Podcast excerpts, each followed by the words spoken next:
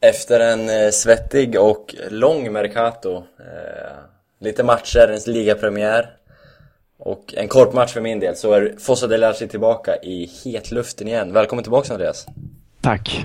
Det har varit en, en lång väntan för dig. Uh, det har eh, bubblat inom mig. Som jag, jag har sabonerat lite på Twitter men man har ju sina begränsningar där. Så det ja. har kokat med mig med saker att prata om. Jag får ju, det är jag som får ta på mig det här stora hoppet i tid från förra avsnittet. Verkligen. Jag var utomlands också, det kanske jag ska lägga till. Men nu är jag tillbaks, skolan har börjat, korpen har börjat eh, och Serie A har börjat. Så nu, eh, nu kör vi på i, i bra tempo, Emma. Ja, absolut. Det finns ju ingen anledning att göra annorlunda och nu är det ju bara beta av ämnena. Det finns ju eh, mycket inom en som ska ut. Det är inte bara för lyssnarna som vi eh, gör detta, utan eh, inte jag i alla fall, utan jag vill också ventilera mina tankar. Det får man väldigt sällan göra på eh, arbetsplatser och sånt. Det är inte så många som är eh, initierade i Milan. Nej. Så det är här man får snacka. Du ska dock inte få snacka själv idag. Vi har en, en god norrlänning med oss. De brukar för sig inte prata så mycket, men jag hoppas att Jonas Desai är lite pratsugen du också. Välkommen! Tack så mycket. Jag är, jag är mycket pratsugen. Jag är väl ingen traditionell norrlänning på det sättet. Nej. Eh, för, dig som inte har koll, eller för den som inte har koll på dig. Du är, huserar bland annat på Svenska fans Mila-redaktion. Det är väl där man hör och ser dig mest, våra lyssnare kanske? Eh, ja, det stämmer. Jag har varit eh, en eh, del av redaktionen, ja hur länge nu? Eh, nästan ett år snart. Mm.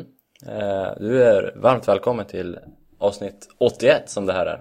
Tack så mycket, kul att få vara med. Igen ska vi säga, du var med en gång förut på en krass, eh, dålig lina från eh, någon annan norrländsk Scandic Hotel vill jag minnas. Det stämmer. Eh, 81 sa Andreas. Mm. mm. Eh, jag Passande. vi brukar ju jag vet inte om Jonas vet det, men vi brukar alltid försöka koppla avsnittsnumret till, eh, till något Milan-relaterat och 81 i det här fallet måste ju bli Christian Saccardo som jag tror kan få en liten huvudroll, eller i alla fall en biroll i, den här, i det här avsnittet. Mm. Jag förstår. Eh, eh, eh av, av, eh, av vilka anledningar då? Han bär nummer 81 på, 81 på tröjan. Vet vi varför? Är han född 81 kanske? Det tror jag nästan han är. Det, det, det är han. Mm. Mm. Eh, men vi kör en liten intromelodi va, sen börjar vi. Ja.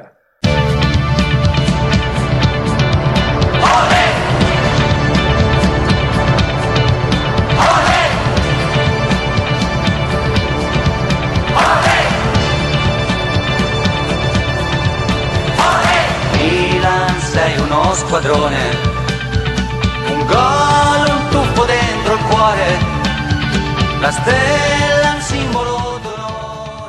Mercaton är väl det som vi kommer sammanfatta på något vis i det här avsnittet.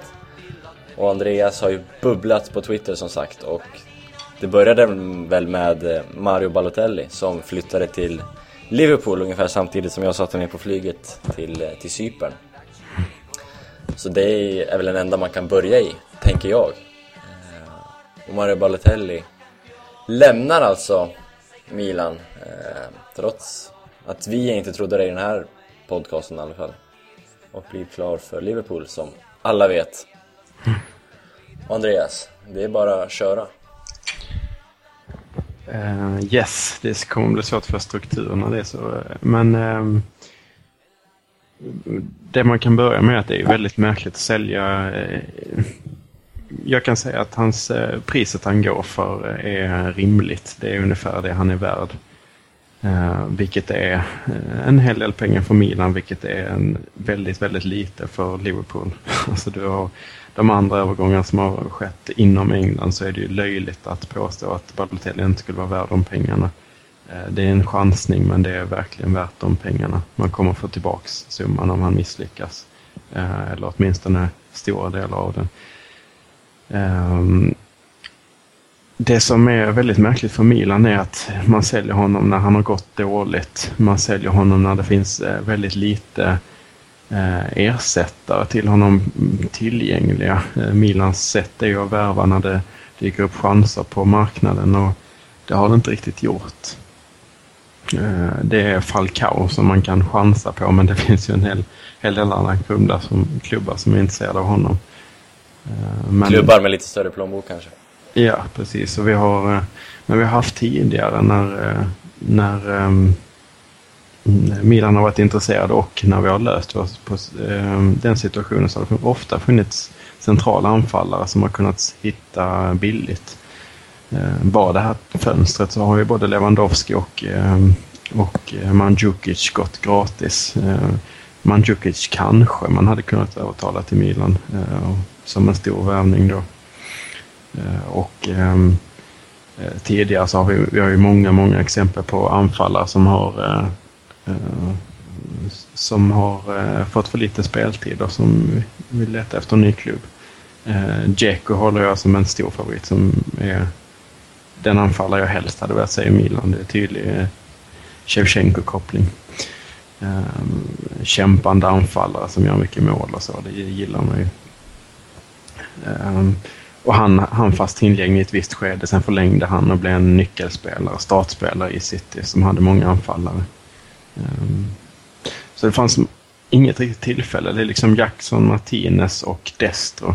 Så från två klubbar som eh, inte är kända för att sälja billigt utan snarare eh, absolut tvärtom. Och de var absolut inte intresserade av att sälja. De hade inget behov av att sälja. Så märkligt läge att sälja. Jonas, eh, håller du med? Var det fel? Skulle man ha sålt Balotelli tidigare eller skulle man inte sålt honom alls? Eh, det är en jätteintressant fråga. Jag håller väl med Andreas på de flesta punkterna. Jag kan tycka att eh, det är en spelare som, trots att alltså, han har varit med så pass länge så man antar nästan att han är över liksom, eh, en viss åldersgräns. Men han är ju trots allt bara 24 år och, och har ja, förhoppningsvis, eh, om jag ser till min egen karriär i alla fall, eh, åren framför sig och de bästa åren framför sig. Och, och där, där kan jag tycka att, att priset Milan säljer honom för är ehm, eh, lite... Den reflektionen som jag, som jag gör är att det är lite stressat. Eh, och jag, jag kan tänka mig att, att pengarna behöver komma in och det, det är en nödvändighet på det sättet. Men jag, jag, jag köper inte riktigt den, eh, det sättet att om det nu är så. Jag köper inte riktigt det eh, sättet att göra, göra affärer. Sen så eh, kan jag på samma känsla, samma känsla som när vi sålde eh, Zlatan så får jag nästan nu eh, en känsla av, av eh, lättnad på ett sätt. För att Balotelli har eh, trots sin, sin, sin krävande karaktär och liksom eh, speciella attityd inte egentligen gjort de poängen som, som berättigar ett sånt liksom, beteende som han har. Och, och den lättnaden kommer därifrån att vi kanske kan um, vi kanske kan, kan studsa tillbaka, eh, bli ett lag, inte förlita oss på en spelare på ett sätt som vi inte kunde göra med med Balotelli på planen eller med Zlatan på planen. Eh, och det är väl den eh, tendensen som jag hoppas på nu, även om jag vet att han är en talang som är väldigt, väldigt svår att ersätta. Jag håller helt med om det. Ja och jag ser också gärna att man säljer honom även om tajmingen var, var konstig. Eh, mm. Och Ehm, lite, eller väldigt lik eh, Zlatan är det ju det fallet att eh, de har liknande spelstil, de har lika betydelse för laget, eh, även om Zlatan var mycket mer framgångsrik. Mm. Ehm, så var det rätt så tydligt ändå att Zlatan gjorde sin första säsong, gjorde sin andra säsong där han blev, där det ännu mer handlade om Zlatan. Och det tog för mycket, han blev målkung men laget gick inte riktigt lika bra och vann inte scudetton heller. Mm. Eh, även om eh, det var tuffare konkurrens. Och samma med Balotelli var bra på som, eh, den våren han sköt oss till Champions League. Sen så tyckte jag också att för mycket handlade om Balotelli andra året, vilket är en tråkig utveckling. Mm. Och Eh, jag gillar i alla fall mycket mer ett lagspel, sådana som jag sett, som jag har tjatat om som är den här matchen mot Barcelona som är helt fantastisk. Eh, den typen av laginsatser. Mm. Och det blir det ju mycket mer när, när eh, Zlatan och Balotelli inte är i laget. Mm. Sen så varför man sålde honom just nu är väl också för att det finns rätt så tydliga viljor i Milan som är tunga. Eller inte i, i Milan, Eh, delvis i Milan i Berlusconi, eh, Silvio som inte är intresserad eh, av att ha kvar honom. Det måste också, säga att den, den viljan är ju rätt tung faktiskt. Den, den är väldigt tung och den andra viljan som är också väldigt tung är Mino Raiolas vilja. Um, jag tror inte att det var möjligt för Milan att behålla Balotelli om Raiola och Balotelli vill lämna och det verkar vara att det är så kan, kan någon förklara för mig eh, som inte egentligen förstår eh, storheten, inte storheten, men i Mino Raiola, hur mycket makt kan en agent egentligen ha? Ja, ja det är svårt. Vi ser ju Jorge Mendes som eh, har sålt spelare det här fönstret för eh, fruktansvärt mycket pengar. Den andra superagenten då som har alla de här, nu kommer jag missa något namn om jag räknar upp alla så det är knappt lönt. Men eh, de, alla de stora värvningarna är ju Jorge Mendes den här sommaren. Mm. Ja, varför alltså, det, liksom? Det, varför? Det, var ju, ja, det är väldigt märkligt men eh, det är tydligt att Milan valde att ta till sig och kanske Galliani tar till sig Raiola när vi värvade alla hans spelare. Mm. Eh, vi har ju, eh, där var ju Robinho, vi var Zlatan och sen så var det flera som plockade in Emanuelsson och det blev väldigt tydligt eh, att och Milan skickade ut Raiola för att förhandla med olika spelare. Det var väldigt tydligt att man, att man mm, vill ha hjälp av honom. Men Sen så, nu var inte längre Milan intressant för Raiola, då sviker man honom. Det känns ju nästan, jag skulle vilja säga att det är en, att vice versa, att det är Milan som inte vill ha att göra med Raiola längre. Jag tycker det är väldigt tydligt att, att han har klippts bort sedan Barbara Berlusconi har kommit in i en högre maktposition. Eh, skulle jag, jag ser den kopplingen i alla fall. Och det skulle jag tycka, eh, i alla fall nu, nu vet vi ju ganska lite men, men jag vet egentligen bara det jag har sett och hört och läst på via diverse kanaler och medier och sådär. Men jag skulle kunna tycka, den slutsatsen jag drar är ju att det, det är, är som, jag, som jag vill att Milan ska vara och, och den, den bilden jag vill ha av Milan är att de inte gör så mycket affärer med en sån som Mino Raiola. Mm. Mm. Jo, jag håller med. Eh, jag har ju tjatat om det tusen gånger i den här podcasten. Eh, mm hur jag vill se mitt Milan, hur mitt Milan är ett gentlemannalag. Mm. Eh, ja, de som lyssnar vet, vet vad jag tycker. Eh, hur jag tycker om, vi hade Zlatan, vi hade Boateng, vi hade Casano och så vidare. Eh, det är inte gentlemannalaget jag eh, gillade och Raiola är ju raka motsatsen. Exakt. Så jag håller med dig. Sen är inte alla hans, eh, alltså Emanuelsson känns ju inte som en, en bad guy på det sättet. Men, eh, men jag håller med i um, huvudsak. Jag kommer inte på vilka spelare vi har. Van Bommel har vi också. Som tillhörde Raiolas stall, men... Eh, inte Didak Vila där? Jo. Om han räknas. Just det. Um, ja, det, är... ja, men det, det var ju något slags samarbete där Milan dels hjälpte spelare i Raiolas stall att uh, lyfta sig som kanske inte Eh, kanske hamnar lite i, i glömska, men dels att Raiola hjälpte Milan att bli starkare. Det är någon slags... Eh, man hjälpte varandra och eh, mm, det var ju tydligt att Milan ville skicka iväg Zlatan. Frågan är, Milan ville skicka iväg Balotelli, men då var det kanske Milan som bestämde och inte Raiola. Ja, det är intressant. Det är väldigt svårt att ha ett facit. Ja, jag tror ju det är någon form av... Ja, Berlusconi ville bli av med honom Balotelli och Raiola ville lämna. Jag tror ju, som du var inne på först, att det är någon kombination. Ja. Liksom de båda viljorna drar åt samma håll så då är det inte så svårt egentligen. Det är bara synd att den kom så sent.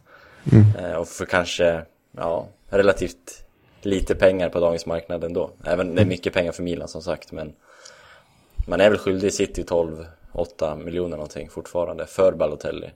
Så det är inte jättemycket som går ner i vår kassakista. Mm. Nej.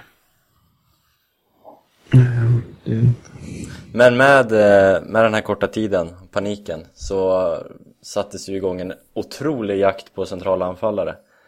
Du har nämnt två Andreas i Destro och Martinez.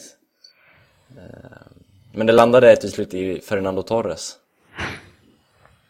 Jag slog ett slag där lite för eh, Mitroglou som skulle kunna vara en sån anfallare. Nu är inte han alls beprövad men han såg väldigt spännande ut i Olympiakos och eh, gjorde väl eh, knappt 100 minuter eller eh, någonting sånt i Fulham på grund av skada.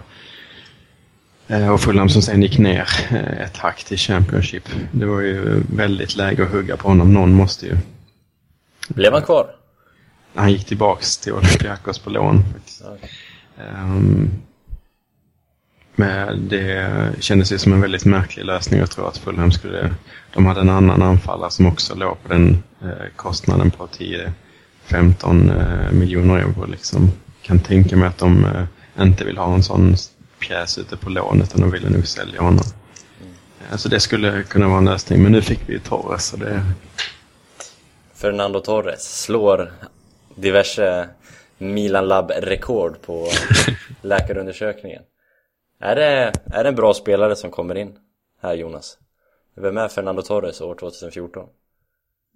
Eh, ytterst svår fråga att svara på. Jag, jag har eh, diskuterat det eh, otaliga gånger med mina lagkamrater och mina vänner och de som är någorlunda fotbollsintresserade. Och jag eh, har svårt att fastställa vilken form han har. Han är ju eh, Ja, han är 84 så att om han inte har fyllt 30 så ska han fylla 30. Ehm, och eh, det ser jag väl inte som ett problem.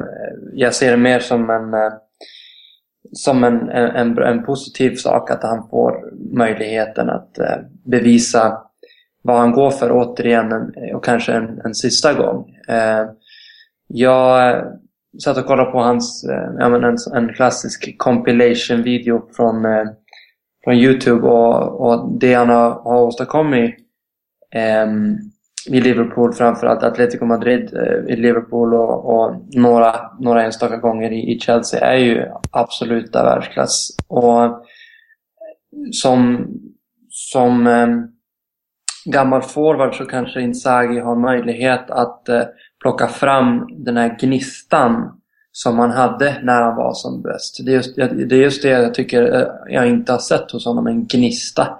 Eh, det var lite för många eh, nerböjda huvuden. Eh, tatueringarna eh, blir fler och fler för varje månad som går. Eh, vilket i och för sig inte behöver vara ett tecken på eh, förfall men det är ju eh, det, det är ändå en eh, det, är någonting som, det var någonting som hände med honom. Eh, om det var pengarna eller inte, det, det, det, är svårt att, svårt att fastställa. Men jag önskar och, och hoppas att det är en bra värvning. Eh, det, det, det, kan i alla fall bli det eh, om, om han ges rätta omständigheter och, och ehm, ehm, möjligheten att, eh, att spela. Och det är bara Inzaghi som har det i sina händer. Mm. Ehm.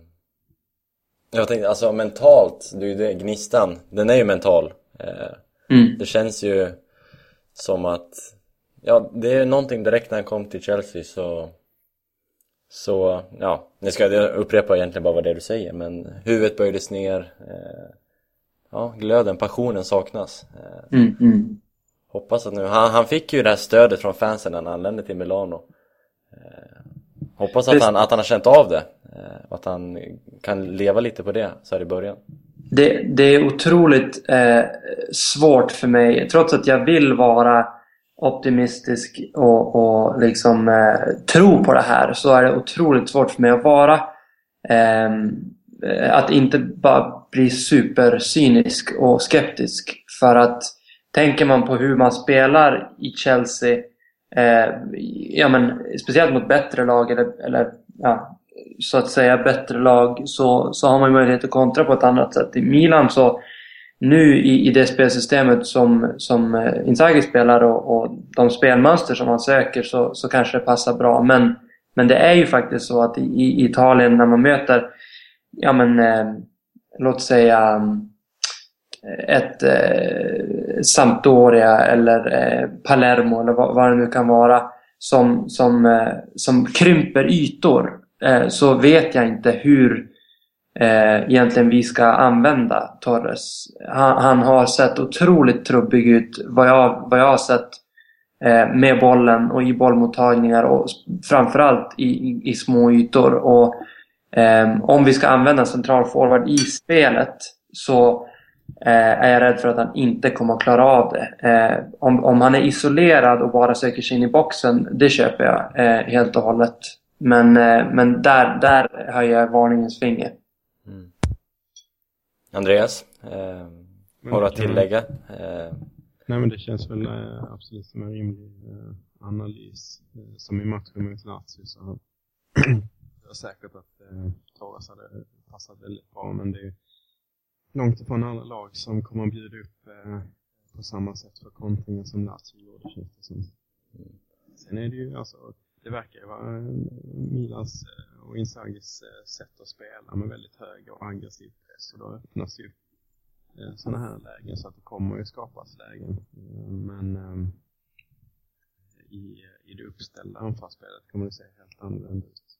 Mm. Då har vi ju förhoppningsvis andra spelare att avlasta just målskyttet. Men Tara ska ju ha någon funktion ändå.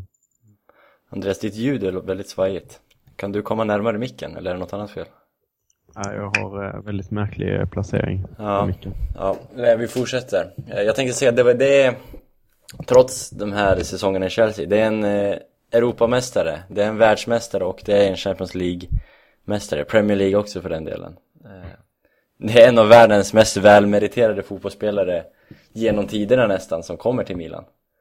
Eh, han kommer på lån i två år eh, vad tycker du om den ekonomiska lösningen här för den här mästaren? Det är en campione i italienska ögon, trots allt. Mm. Ja men det är väl inte helt eh, dumt ändå, så kan man ju hoppas att om han verkligen lyckas så vill han eh, stanna kvar. Men eh, man slänger inte ut några pengar på honom eh, naturligtvis eh, i, i över, övergångskostnad och eh, misslyckas han, visst han sitter ut eh, två år, det är mycket pengar, det får man ju verkligen understryka i lön. Det är ju eh, samma som Balotelli ehm, hade haft, eller till och med högre i och med att eh, Balotelli egentligen skulle sänkt sin lön. Eh, I och med att vi inte kvalificerar för Europa. Eh, Eh, men eh, det, det, vi köper oss lite tid kanske. Eh, på samma sätt som Diego Lopez, även om Diego Lopez kanske köper oss ännu längre tid.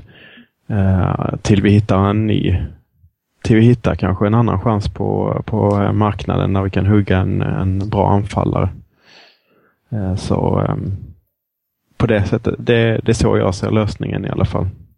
Det man, kan, det man kan tillägga, eller det jag vill tillägga till min eh, eh, tidigare pessimism är eh, att han, hans förväntningar nu är ju i alla fall från, från mina ögon ganska låga. Och allt han gör som är bra i form av mål, poäng, eh, eh bra insatser blir ju eh, en bonus. Och, och för att jag, jag, jag har sett honom eh, bra väldigt få gånger eh, under de senaste två, tre åren. Och, och därför så har man, ju, man har en bild av honom som är väldigt eh, tveksam och suddig och, och, där, där blir ju allting han gör nu egentligen eh, utifrån förväntningar som är ganska låga. Så att jag... Eh, det, det, ska bli, jag är skeptisk men det ska bli otroligt intressant att följa honom, det ska det. Mm. Jag skulle vilja jag sätter ett frågetecken för hur, eh, hur övrig Milan-publik och kanske framförallt hur publiken på plats vad de har förväntningar på en Fernando Torres. Eh, mm. Som sagt, det var många som kom och mötte honom på flygplats och på uh, sjukhus och allt vad det var. Det är nummer nio, han får nummer nio. Han hyllas av Inzaghi på presskonferenser och, och så vidare. Mm. Under vilken press eh, Milan och alltså fansen, San Siro, Kurva Syd, kommer sätta på Torres från start? Ja, jag, jag är rädd för att den, eh, den kommer vara ganska... Förväntningarna är väl kanske högre än vad de är hos, eh, hos, eh, hos mig. Ehm, även om jag, jag, tycker att det i så fall skulle vara eh, lite överdrivet för att han är ju trots allt bara en Eh, en, vanlig, eh, en vanlig spelare som är ur form. Och, och en sån spelare är, är, är, är eh, inte mycket bättre än eh, eh, ja, egentligen vem som helst. Så att jag hoppas de ger honom tid att komma in i det. Eh, för att det, det, det, verkar ju som att han inte riktigt har hanterat pressen. Eh, som jag minns det så i Atletico Madrid så hade han ju en, en, en status som var väldigt hög.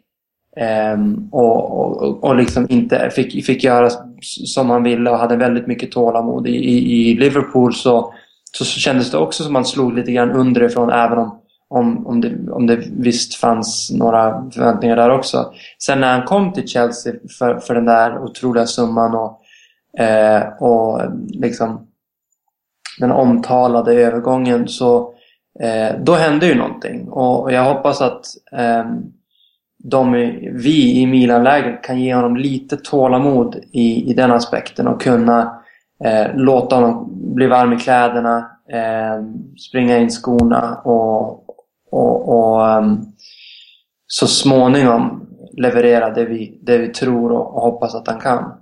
Mm. mm.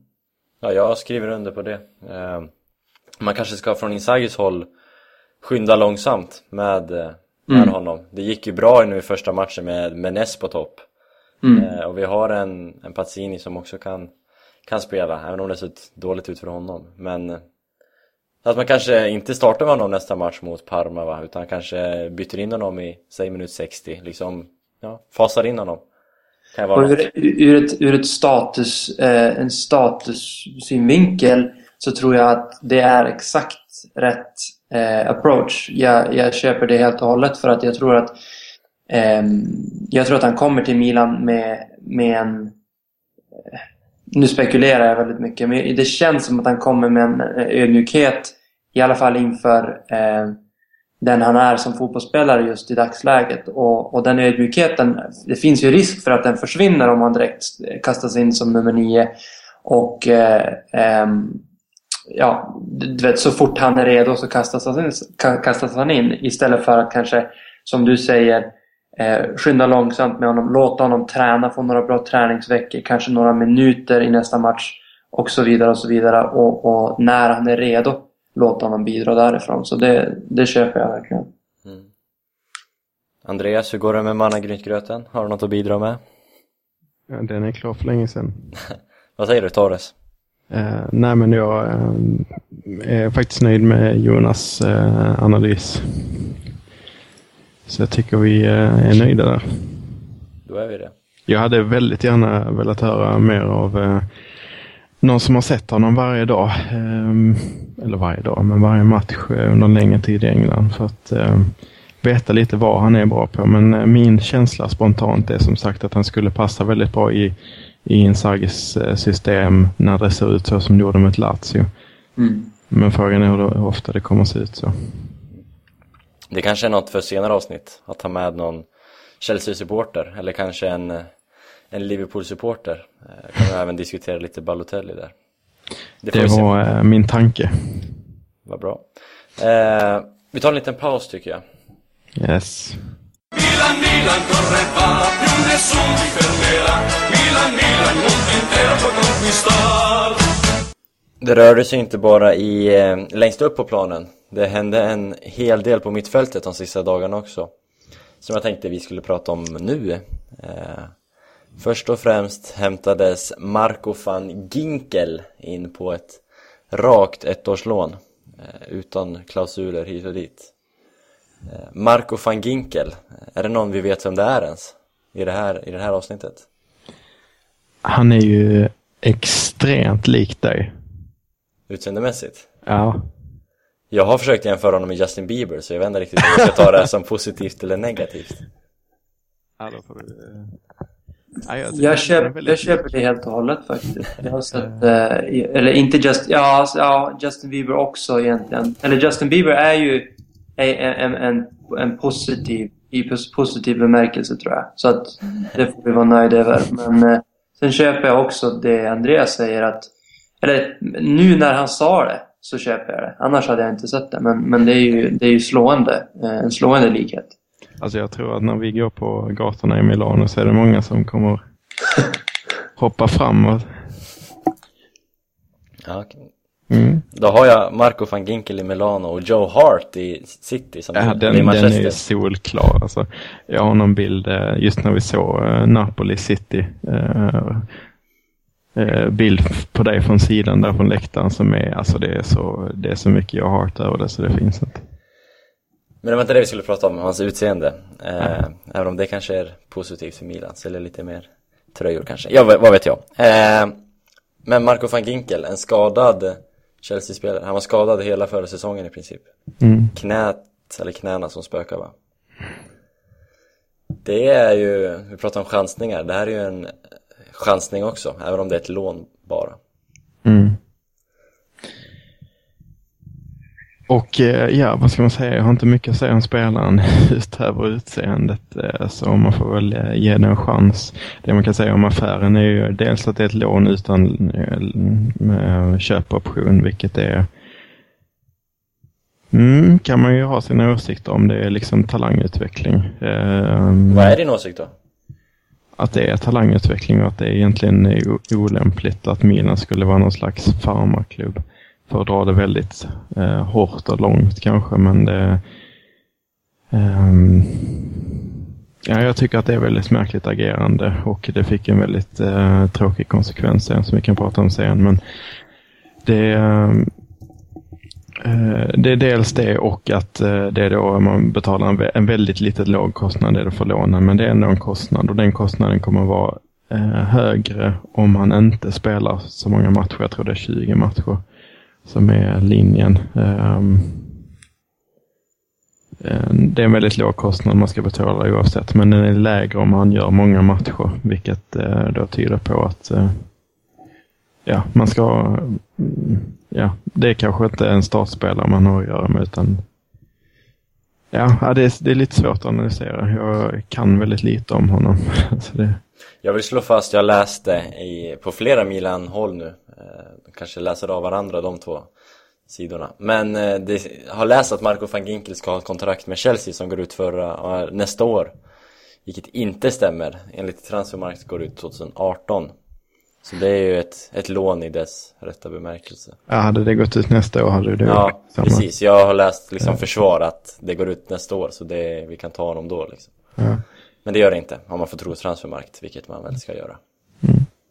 Det som, eh, man, det som är intressant att tillägga är att han, han ver, det verkar inte som att han ville komma till Milan eller flytta till Milan eller flytta från Chelsea framförallt. Han eh, blev väl övertygad av, av eh, Torres va? som eh, eh, jag vet inte vad, vad Torres egentligen vet om Milan men han lär väl ha det- sagt att du det- behöver precis, du behöver utvecklas. Eh, sen såg jag honom, Van Ginkel, jag såg Undrar om inte det var på, på Milans försäsong i USA så spelade han för Chelsea och ehm, ja, han eh, stod inte ut tycker jag inte han gjorde. Eh, sen spelade han ganska moget för sin ålder men det är väl en förväntning man kan ha på, på alla unga spelare nu för tiden tycker jag. Mm.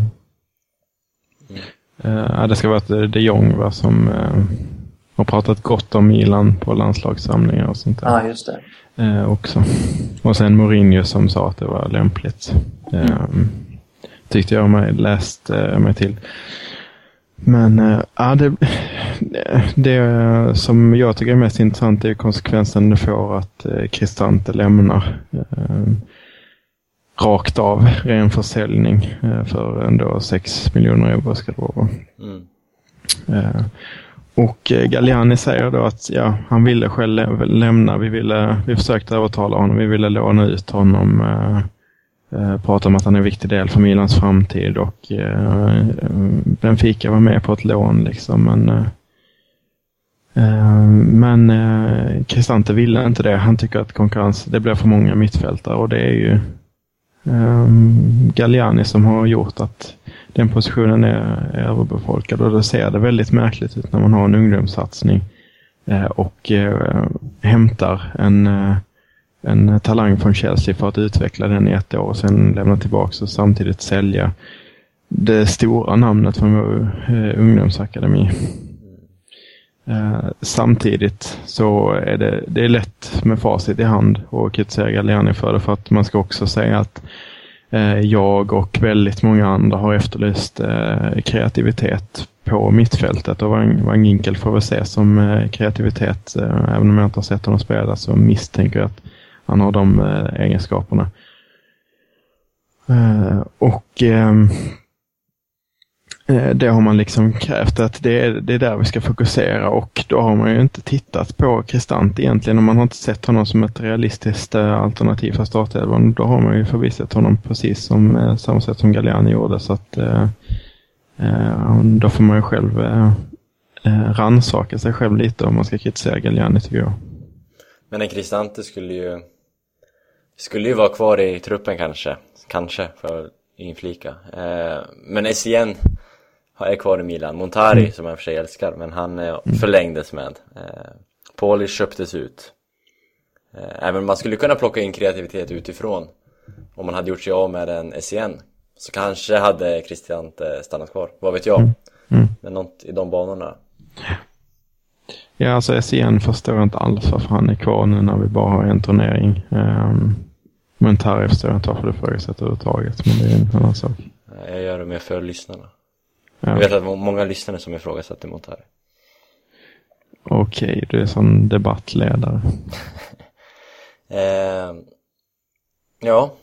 Eh, och sen sista dagen, eh, enligt Galliani beroende på att Cristante lämnade, så kom Giacomo Bonaventura in.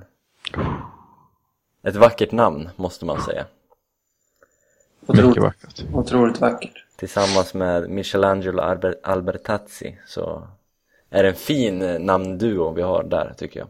Men Bonaventura, vad är det för herre? Han har kanske, eller har vi kanske bättre koll på?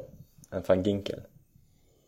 Ja, vi har väl sett honom eh, lite mer eh, ändå än vad jag har gjort. Alltså vi har ju knappt sett van Ginkel. Eh, men eh, eh, Eh, även, även här, har, även i, det, i Bonaventuras fall så har jag mindre koll än vad jag kanske önskar och det lämnar väl ett, en plats för överraskning förhoppningsvis eh, positiva överraskningar. Han är ju en, en mittfältare som har, har fått ganska stor roll i, eh, eh i sitt förra lag och, och har ju eh, även, som, som jag förstår det, landslagsmässiga ögon på sig. Och, och eh, någon som, som nämns i sådana sammanhang är ju, är, ju, är ju intressant och spännande för Milan. Och han har fått en stor roll eh, och har kunnat både, liksom, det har blivit en form av eh, en utveckling för honom tror jag. Att, att han har fått en så stor roll. Att han, att, eh,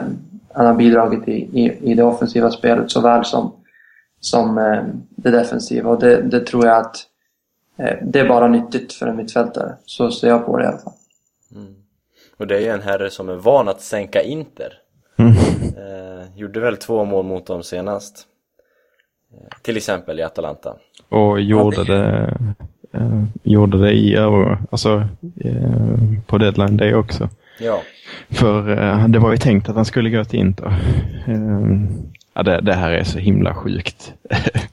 att, att se Bonaventura och prislappen 7 miljoner euro. Jag förstår inte det. Eh, man kanske är blind av alla stora siffror som har härjat runt i fönstret. Men alltså 7 miljoner euro för Bonaventura känns eh, bisarrt när det är Milan som ska vara i den desperata ställningen. Eh, även om Atalanta var inställda på att sälja honom. Eh, men jag tycker också att Consigli går och bara sånt där som är eh, en av de stora målvaktstalangerna för Atalanta. Till Cesena, mycket märkligt Sassuolo. tycker jag. Eh, Sassuolo menar jag. Atalanta gör ju parentes, kanske bland de sämsta fönstren i Italien om du frågar mig. ja, det är ja, de och Parma och ja, Napoli skulle jag säga också. Men Cesena ja. kanske är dåliga också. De har jag mindre koll på. Ja. Eh, Sassuolo däremot, som jag, som jag skulle sagt naturligtvis, har gjort ett jäkla fönster. Mm. Eh, de är ju, alltså deras trupp, eh, spelare för spelare, är ju det är inte, det är nästan eh, vänstra kolumnen som man säger i Italien, alltså topp 10. Mm. kanske drar det, vid- men det är väldigt stark trupp de har. Och så ser Eh. man, så ser man, jag ska bara inflika, så ser man målet som Sassa gör. Mm, Med exakt. Berar- Berardi till, till liksom, som redan börjar göra poäng till Sassa som bara smäller in eh, en boll i bortre, med mest svåra man kan göra inom fotboll. Bara, och han är en, ja, jag vet inte om han är en startspelare eller kommer att vara, men det är ju det är ju så fall otroligt sparkapital. Mm. Absolut. Ja, där har de eh, spännande anfallare som tyvärr tillhör andra italienska storklubbar. Sa Sasa är väl släppt helt till Sassuolo tror jag. Aha! Eh, Berardi är väl dock i, ja, skitsamma, det är en annan, annan podcast kanske. Ja. Eh, Men Bonaventura, det som man kan säga också i det här med Cristante är vi vet ju väldigt lite om Cristantes potential egentligen. Så frågan är om, att han, om han kommer att bli bättre eller i samma klass som Bonaventura. Till exempel. Det, det är också en, en vinkling man kan ha på det tycker jag. Mm. Ehm, men det är, jag är jättenöjd. Sen, jag har ju sett honom, Bonaventura rätt så mycket men jag har inte sett honom eh, så mycket att jag kan veta hur han kommer passa in i Milans, eh, vilken position han kan tänkas ta. Eh, det känns ju som att han har haft offensiv mittfält i Atalanta och då känns det som en ytterposition eller om man skulle kunna ta centralt mittfält och det känns ju som en bra lösning då. Om han kan lösa det centrala mittfältet för där är vårt behov störst. det är det han säger själv. Jag vet inte, han sa ju, uttalade sig idag. Att han eh, kan spela, som sagt, både på tremanna mittfält i ett 4-3-3. Mm. Men även ta en, framförallt en vänsterytterposition. Mm. Vill han ju ha i så fall. Eh, där har vi i och för sig El Sharawi, men han... Det är bra att kunna rotera också. Ja, och Menes som också har det som ändå sin bästa position. Jo. Um, men uh, helt klart mycket bättre än eh, BRBNI, inte bara namnmässigt utan uh, jag är mycket nöjd med att det blev honom. Sen hade jag gärna sett att Sakardo avsnittet till ära ändå hade lämnat. Um, men uh, nej, jag, jag, jag, tycker det här är helt sjukt hur man kan lösa den här affären på typ fem minuter som det verkar som i slutet. Men det är väldigt pikt av Galliani. Man ska ju också, om man kritiserar honom för att sälja eh, Cristante så ska man hylla honom väldigt mycket för det här. För att eh, han eh, hade jobbat mycket på en deal med Biabiany som var i stort sett klar. Han var ju presenterad. Han var presenterad. Han stod med halsduken på hemsidan och allt. Eh, och ändå när den eh, viker för att eh, Sacardo vill ha lite cash så, eh, så hugger man snabbt för man ser att Inter skulle värva Bonaventura men de får inte iväg eh, Guarin för Real Madrid vill bara låna, de vill inte köpa. Den dealen går inte. Eh, Inter har inte plats för Bonaventura och då hugger man. Ja, absolut. Det är Ja, det är makalöst. I enlighet med, med eh, programmets tema idag, dagens tema, så vi- ställer jag frågan, vet vi om det var ren tjurighet som gjorde, som, som, som eh, Sacardo, som satte problem hos Sacardo, eller vad var det som Det, det sägs ju att det ska vara så här att eh, Sacardo vill ha en sign-on bonus på eh, jag tror det är 150 000 euro. Eh, för att han eh, eh, anser att eh, klubben var skyldig honom det från förra, förra eh, eh, hans tidigare tid i klubben. Aha, Precis. Ja, Så det ska vara anledningen. jag förstår. Det har ingenting med bekvämligheterna av Milanello att göra alltså? Ja, inte utåt sett, men det kan ju absolut vara, vara så. Men jag personligen så tycker jag så, jag förstår inte hur Sacardo, hur Sacar- Sacardo resonerar i det läget. Eh, vad är han, 30? Han är född 81, då är han ju 33. Mm. Vill han fortsätta sin karriär i ett, två år till så borde han ju absolut gå tillbaks till Parma i det läget. Mm. Eh, för sin egen vinning. Nu kom, alltså efter att BB9 är klar, han måste ju, han är klart att han vet om att BB9 är presenterad. Mm. Eh, att han sen väljer att på egen hand förstöra hela den affären. Han är ju inte dum i huvudet, han förstår att han inte kommer bli så omtyckt i, på Milanello i, på San Siro igen. Han, han har ju satt sin sista potatis om man ska slänga sig med gamla fina uttryck. Jag Och, tycker att det är en, det är en intressant psykologi i det hela. Ja, Vad, vad har han att vinna på det liksom? Eh, Ja. alltså, jag vill ju se eh, Sacardo starta nästa match. eh, på samma kant som Biabiani spelar. det hade varit en eh, match i matchen. Men så blir det inte förmodligen. För Sakardo kommer, jag tror inte han kommer spela många sekunder den här, den här säsongen. Om det inte krisar rejält. Absolut. Även om vi har, eh, vi har det rätt så tunt på de positionerna så, eh, så känns det som att andra går före. Absolut. Eh, Jag skrev ju det på, på Twitter, de som följer mig. Jag hade ju, jag tycker ju om de här spelarna som är lite dåliga att, att tycka om dem. Jag gillade ju Valter Birsa, jag gillar Montari. Eh, Jag har ju varit lite så här retfullt. Gillar dem, gillar Sakardo lite i smyg sådär, men nu, nej. Det går inte längre. Hur han resonerar i det läget, det förstår jag inte. Han förlorar, ja, vad var det, 150 000 euro, eller ja. Men han eh, förlorar samtidigt, på det tappar han hela sin karriär tror jag nästan. Mm. Så nej, det är inte mycket respekt kvar till den världsmästaren tyvärr.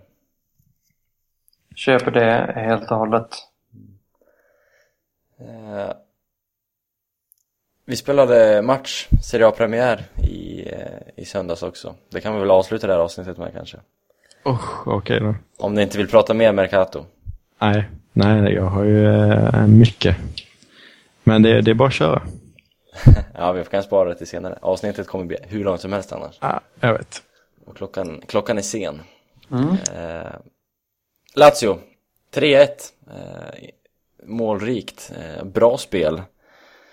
Eh, kanske tvärtom mot vad försäsongen har visat. Vad berodde den här eh, urladdningen på? Jag har... Ehm, eh, jag hade inte förväntat mig det här resultatet. Eh, jag har sett matchen, eller delar av matchen i, i halvtid då jag satt på en buss på väg hem från Stockholm. Då jag sörjde ehm, en, eh, en, ytterligare en förlust. Men ehm, jag kunde i alla fall glädjas åt eh, live-uppdateringarna på på min telefon att först såg jag 1-0 tidigt av Honda av alla människor. Och, eh, och sen bara rullar det på därifrån. Och, och inte nog med att vi liksom gör tre mål och vinner på hemmaplan så får Diego Lopez ju rädda straff och göra den match han gjorde. Eh, bara agera supersäkert på alla sätt och vis hela matchen tycker jag.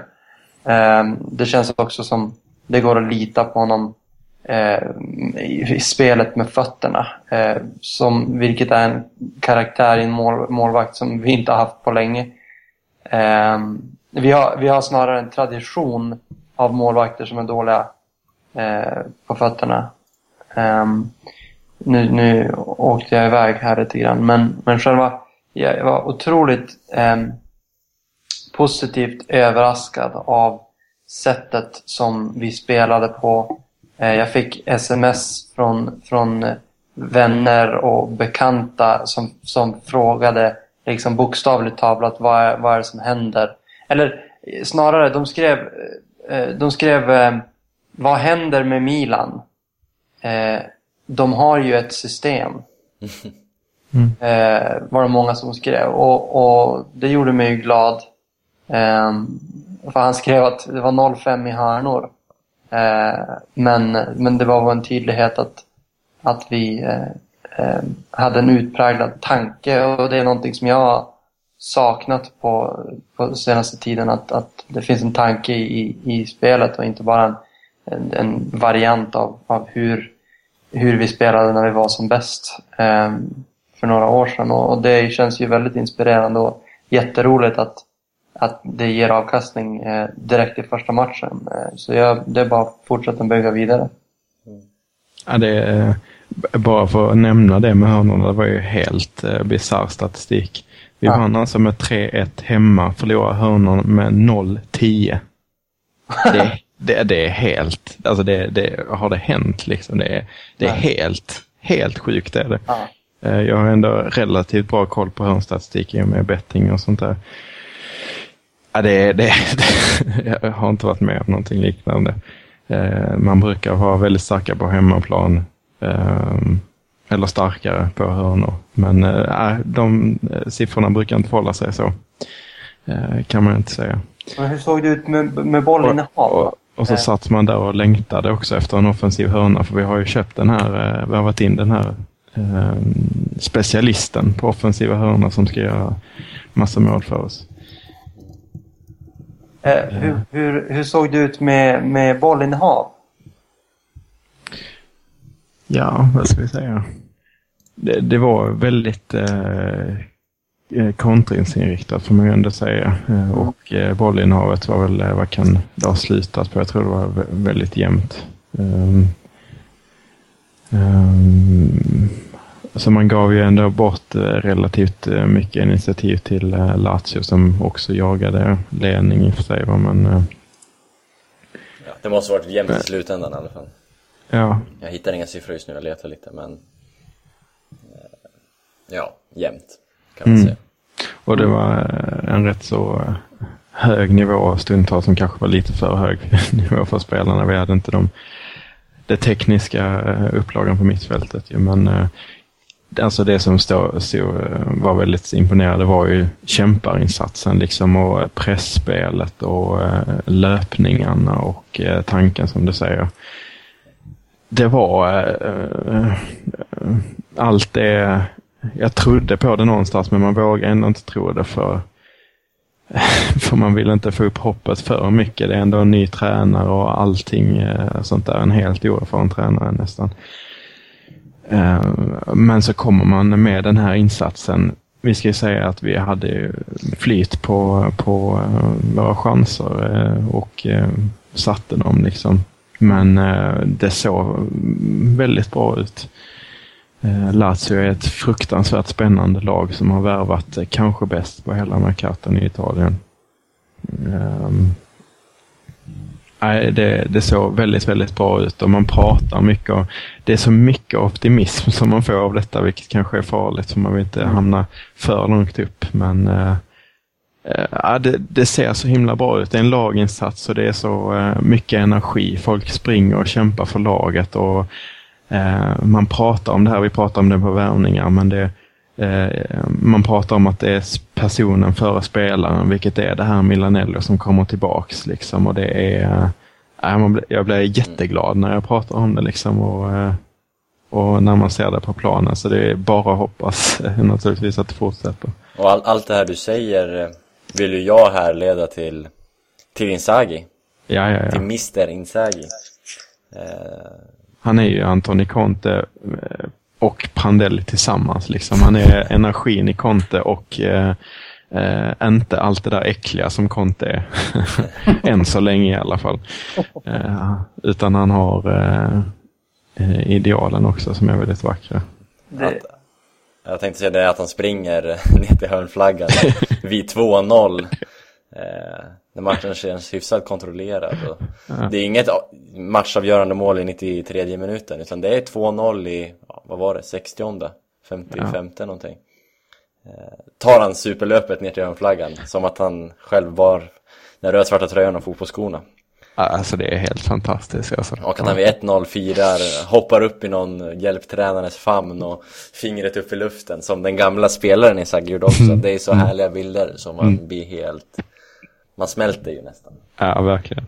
visst, visst det här är otroliga bilder men, eh, och ja, man blir otroligt glad. Men det, det jag blir absolut gladast för är ju det både jag och du nämner Andreas att det här de här eh, koncepten, de här, det här mönstret som, som verkligen verkar finnas. Att spelarna drar åt samma håll. Om man kollar på målet som El Sharawi, eh, förlåt, Honda gör så ser man direkt direkt vi vinner bollen i det läget eh, efter, om det var en, var en hörna kanske. Ehm, direkt vi vinner bollen, alltså andra bollen och bollen, eller den kommer tillbaka i ett andra läge så, går, så har redan El Sharawi gått i en löpning för han vet att, att bollen ska komma här. Nu kommer bollen på den här ytan och då, då, går, då tänker inte utan jag går bara. Och, och mycket riktigt så kommer bollen eh, om det är, det, det, om det är Det är Bonera. Bonera som sätter den bollen. Ja, det är Bonera liksom. Som, som sätter ner den på ett tillslag. Eh, El Sharawi är förstås otroligt snabb och gör det bra i andra läget. Men just den här eh, tanken som finns eh, är ju bara så glädjande så att jag vet inte vart jag ska, ska ta vägen. Och, och så snabb han är. Det är, ja, det är helt sjukt. När man, alltså det ser ju inte ut som att det ska gå när han bara Nej. springer förbi. Det blir liksom det. Nyförvärvet, VM-förvärvet i Vri. Ja. Som är eh, många steg framför när bollen slås. Mm. Ja, verkligen. Det är häftigt. Och speed, det blir ju... Ja, vi har det. Milan som har alltid, i mina ögon, har varit ett rätt långsamt lag. Vi, ja, det var synd i den bemärkelsen att BBN inte kom, men det går snabbt när, eller det kan i alla fall gå snabbt när Milan eh, springer, numera.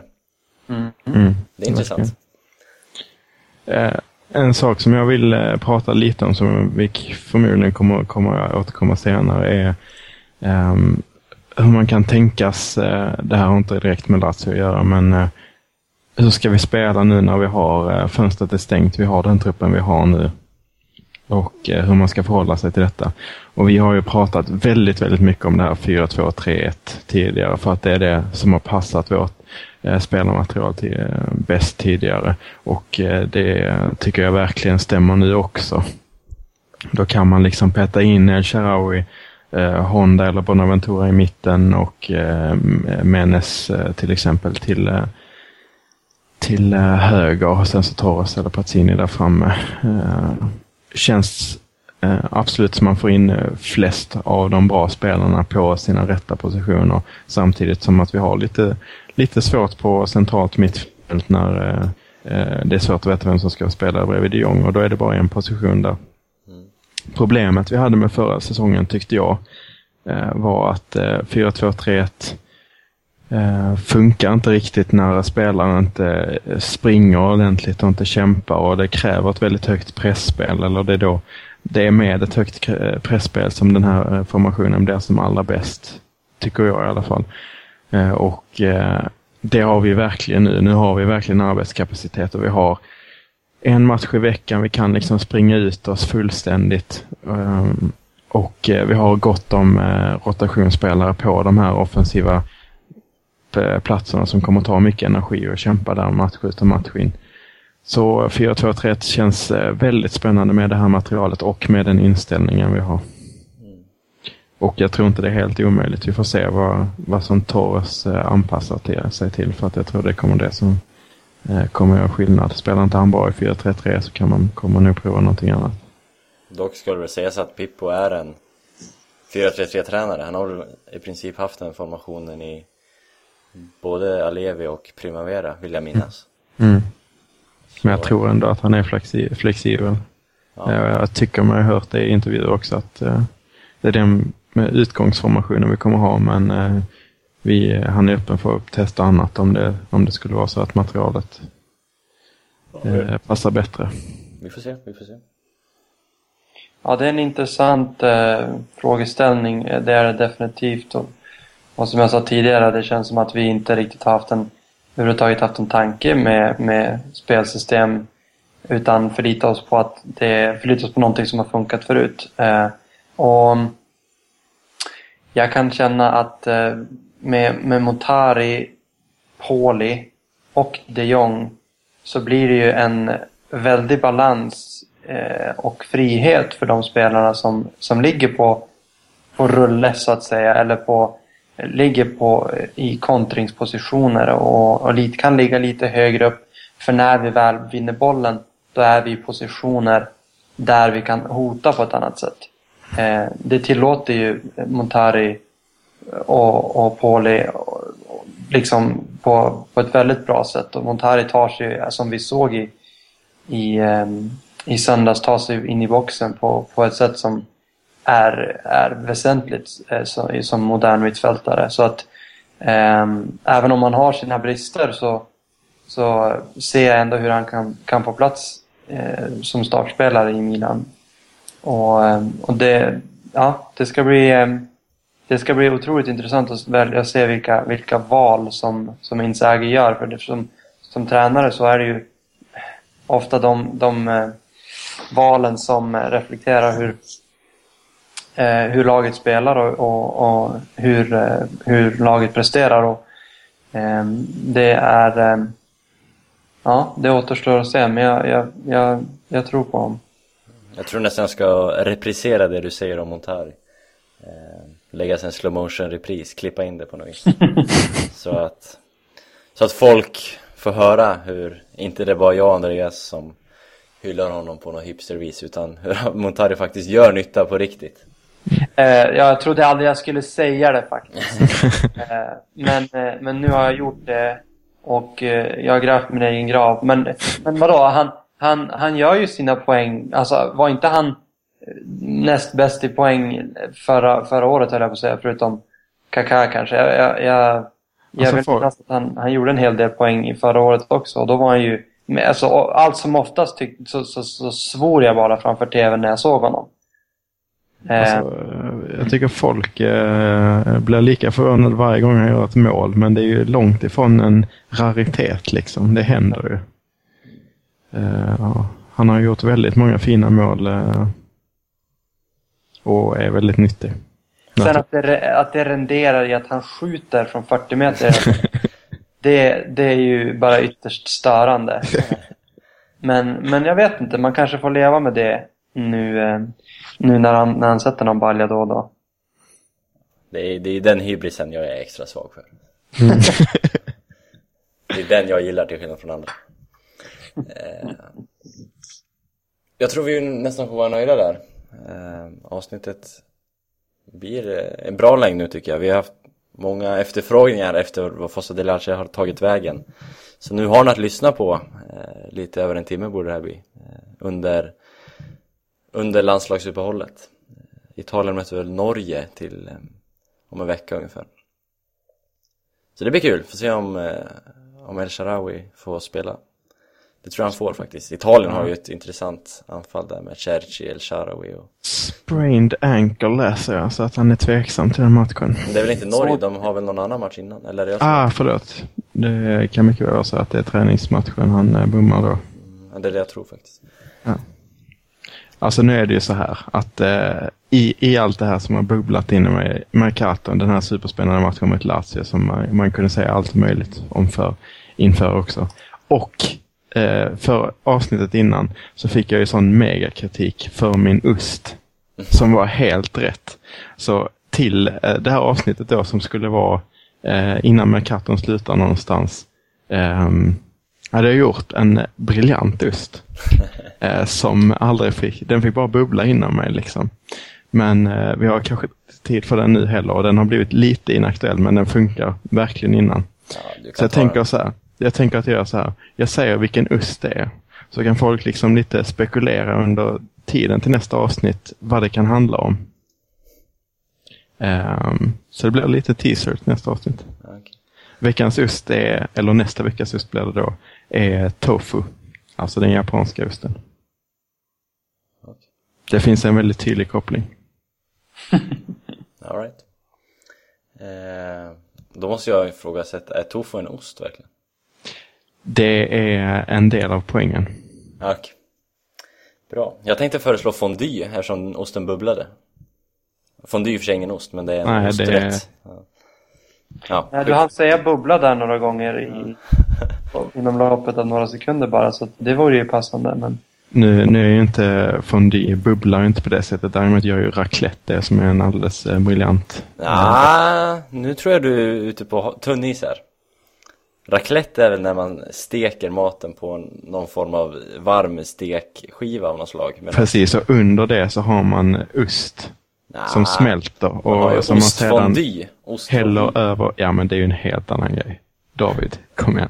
Det, det steker ju grönsaker och kött, lite sånt där på eh, det här ovansidan av ett eh, raclette, eh, eh, en raclettesten eller vad fan man kallar det. Och sen så under till har du en, eh, en ehm, jag ska kalla en stor skopa som du har ost i som smälter och sen så bara kör du det rinner osten liksom över eh, de stekta grönsakerna och köttet. Det är för jäkla gott. Ja, jag tror vi våra...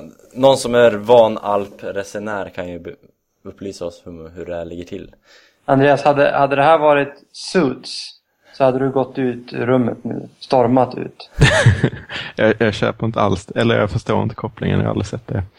Men, Nej, eh, men de som har sett det vet att varje gång det är en diskussion och någon, någon har lite mer rätt än den andra så då, går, då, då stormar de ut i rummet. För det är så man gör i juristvärlden tydligen. Verklig, verk, verklighetstroget program. ja, okej. Nej. Eh, jag tycker det här blev ett väldigt bra avsnitt, väldigt bra diskussioner, bra, bra monologer som renderar i bra diskussioner. Tack så mycket Jonas, högst bidragande. Tack så mycket hörni. Eh, och Andreas, tack till dig. Du är lika bidragande du.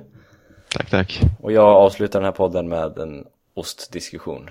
Och, och vi, vi måste ju säga det här också, att i och med Diego Lopez eh, straffräddning som eh, var ju väldigt avgörande för att Milan ska ligga högst upp i tabellen nu.